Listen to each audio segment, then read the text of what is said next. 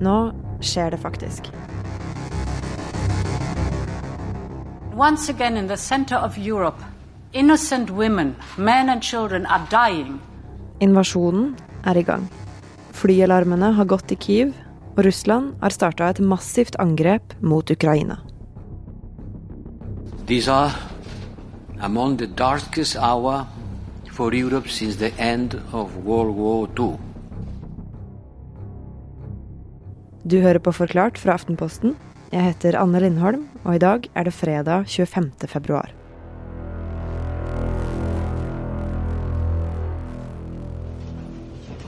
De ba oss om å gå ned i bomberommet. Så begynte en alarm å dure over eh, eller gjennom bygget. Journalistene Gina Grieg Risnes og Hanne Kristiansen er i Kyiv nå, på jobb for Aftenposten. Det er sterkt å se barn her. Det er veldig usikkert hvor lenge man må være her av gangen. Åssen er stemninga i Kiev nå? Hovedtogstasjonen, som ligger en ti minutters kjøretur unna hotellet vårt. Eh, der var det mye folk. Veldig mange som sto utenfor og snakket i telefonen, snakket med familiemedlemmene sine. Passet på kattene sine som de hadde tatt med i hundebånd. Eh, noen sto og gråt, men det var ganske rolig, egentlig. Men vi merket godt på togstasjonen at det er ganske kort vei fra den rolige overflaten til panikken som ligger og ulmer under overflaten. Eh, det var et øyeblikk da vi sto utenfor eh, og snakket med folk, da vi plutselig hørte um, jagerfly eh, gjennom luften. Og det høres jo ganske greit når de flyr over eller i nærheten. Eh, så da stanset alle som sto utenfor opp eh, og så mot luften. Så var det et par som ble ganske rolig og begynte å løpe inn på togstasjonen. Men problemet var at de som ikke har togbillett, de kommer ikke inn. Så Men det ble raskt rolig igjen, da. Excuse me, do you speak English? Yes. Okay. Wh- Where is this bus going? Uh, Kropivnitsky, this bus. Okay. Nede på busstasjonen så traff vi to unge kvinner som eh, sto helt forrest ved inngangen til en minibuss som var helt stappfull av folk. Eh, de het Julia og Anastasia og jobber her i Kiev på, på en restaurant. Eh, men ville veldig gjerne reise sørover til en landsby der de, eller til en, en by der de har familie. Eh, Og de fortalte at de har, eh, hadde reservert billetter og hadde egentlig håpet på å komme på denne bussen, men, men den var så full at det var ikke snakk om at den kunne, kunne kjøre noe sted. you feeling?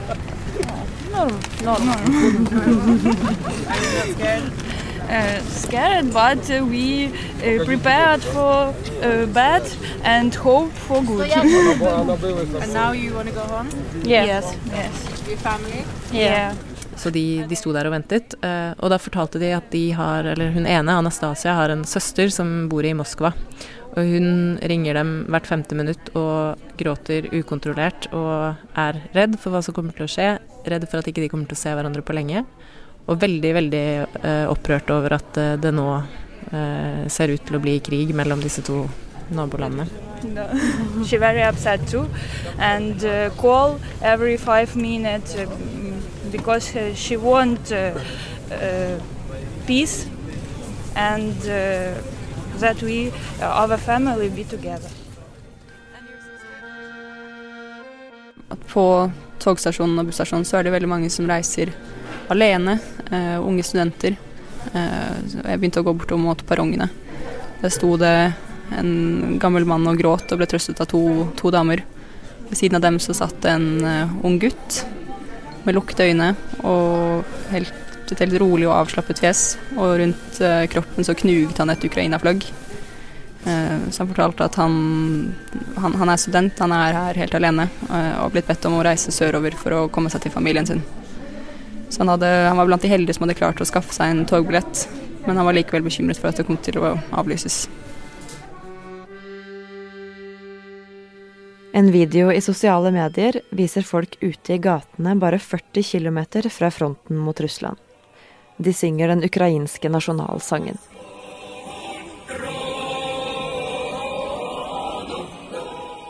For mange ukrainere så vil torsdag huskes som en mørk dag. I går morges så kom de første meldingene om at ukrainske soldater var drept. Ukrainas forsvarsminister sa at alle ukrainere som kan bære våpen, kan melde seg til tjeneste. Og presidenten ga ordre om at militæret skulle påføre Russland så store tap som mulig. Og Ukraina ba resten av verden om hjelp.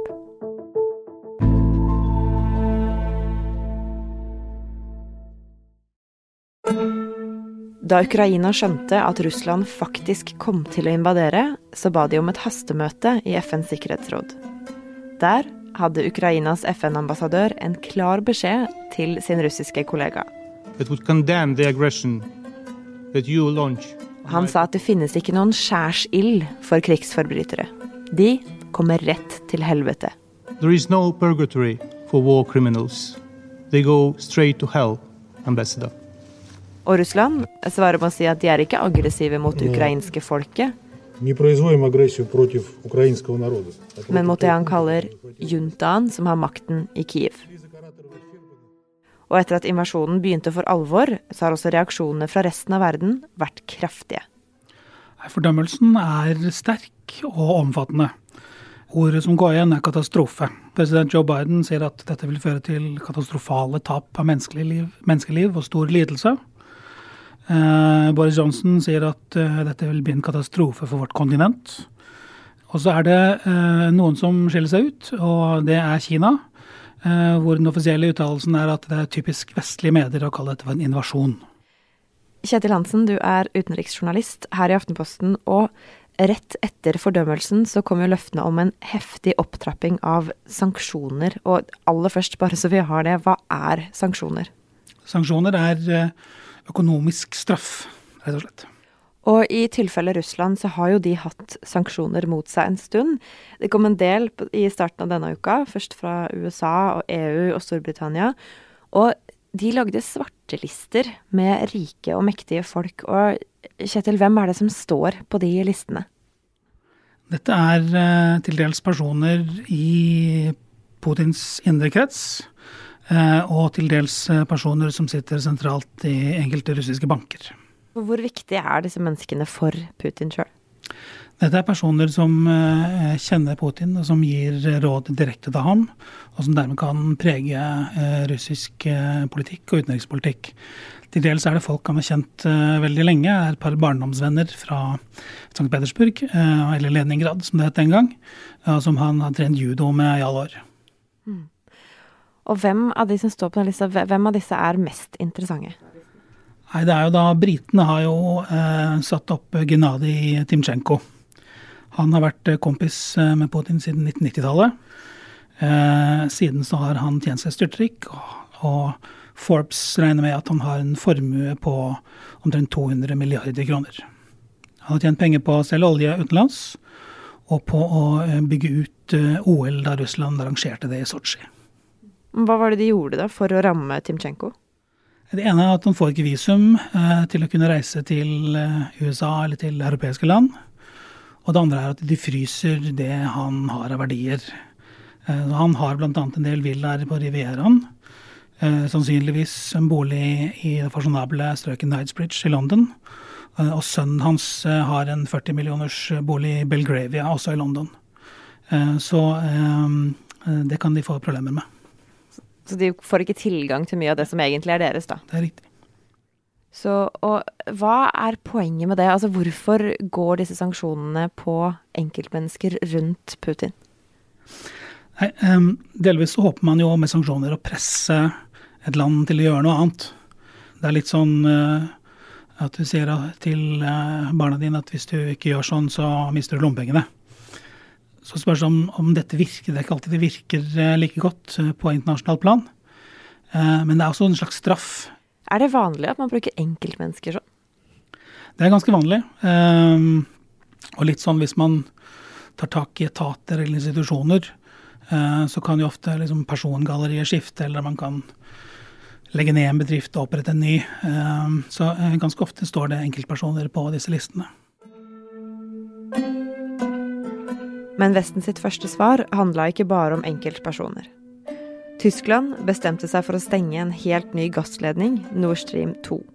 Den skulle frakte russisk gass til Europa, men nå kan ikke Putin sende gassen, og heller ikke tjene penger på den. I tillegg så går Vesten etter bankene. Eh, dette var banker som bl.a. bedriver eh, businessen for det russiske forsvaret og russisk våpenindustri. Men eh, etter invasjonen nå på torsdag, så bestemte de vestlige landene seg for å gå mye hardere til verks. For det er særlig én ting Vesten kan gjøre som kan ramme den russiske økonomien kraftig. Noe de veit at Putin er redd for. Nemlig å stenge Russland ute fra Swift. Swift er eh, et internasjonalt eh, system for å overføre penger mellom land. At hvis du eh, skal leie leilighet hos noen i Belgia, skal du sende dem penger fra din norske bankkonto, så vil det typisk overføres ville være en Swift-transaksjon. USA de truet i 2014, da Russland tok Krim i Ukraina. Så truet amerikanerne med å forsøke å få russerne ut av Swift-samarbeidet. Og det regnes som, på en måte, som atomknappen innen økonomiske sanksjoner. Og de siste ukene så har særlig amerikanerne vifta med den trusselen. Amerikanerne har i alle sine uttalelser de siste månedene så har de sagt at deres respons vil være swift and severe, som betyr hurtig og alvorlig.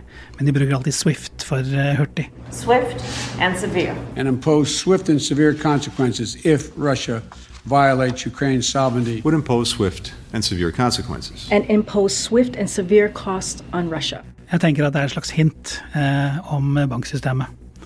Og, og, russerne de sa det en gang i 2014 at gjør dere dette, så er det i praksis en krigserklæring. Og etter flere toppmøter i Nato, i EU og mellom G7-landa, så ble det klart i går.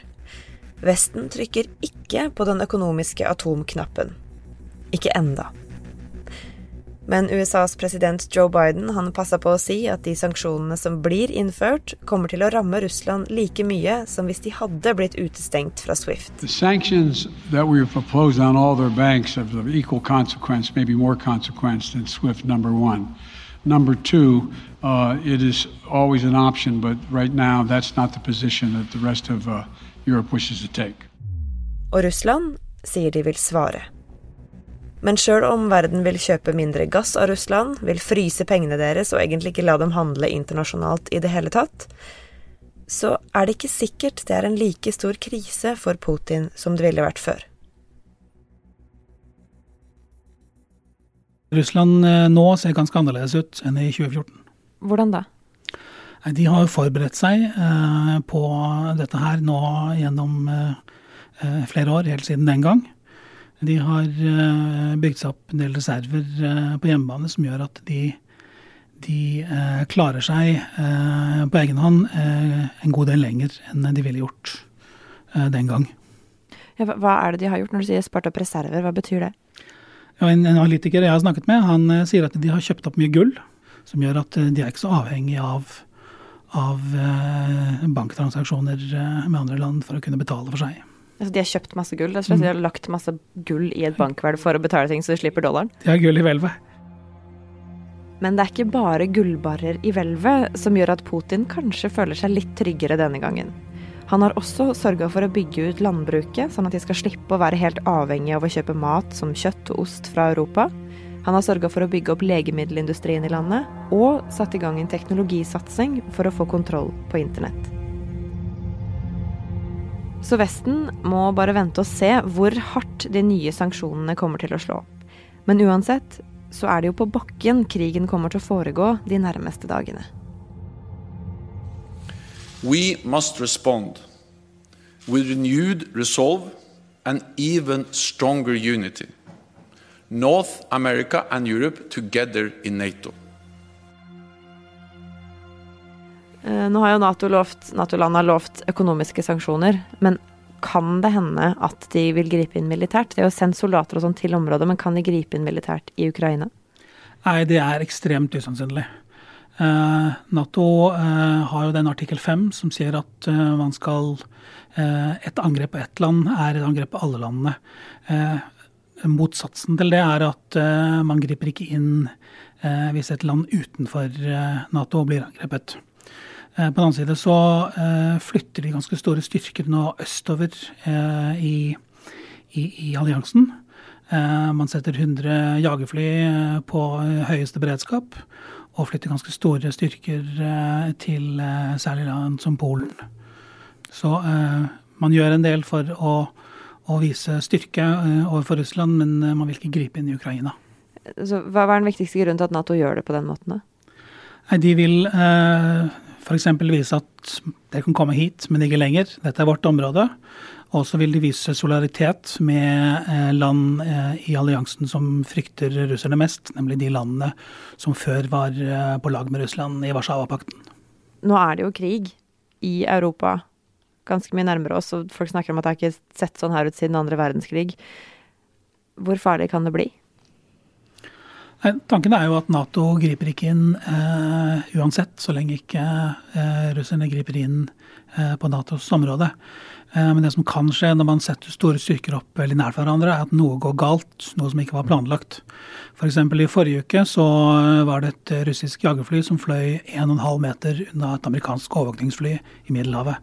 Og sånne situasjoner kan eskalere et eller annet som man ikke hadde ment å gjøre det.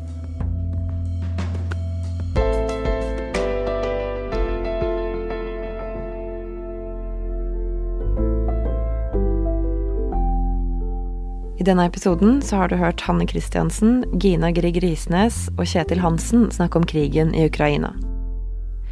Forklart blir lagd av Anders Weberg, Fride Nesten Onsdag, David Vekoni, Synne Søhol, Jenny Førland, Marte Spurkland, Ulla Kristine Rafaelsen og meg, Anne Lindholm. Du har hørt lyd fra nyhetsbyrået AP og fra den politiske analytikeren Maria Zolkina på Twitter.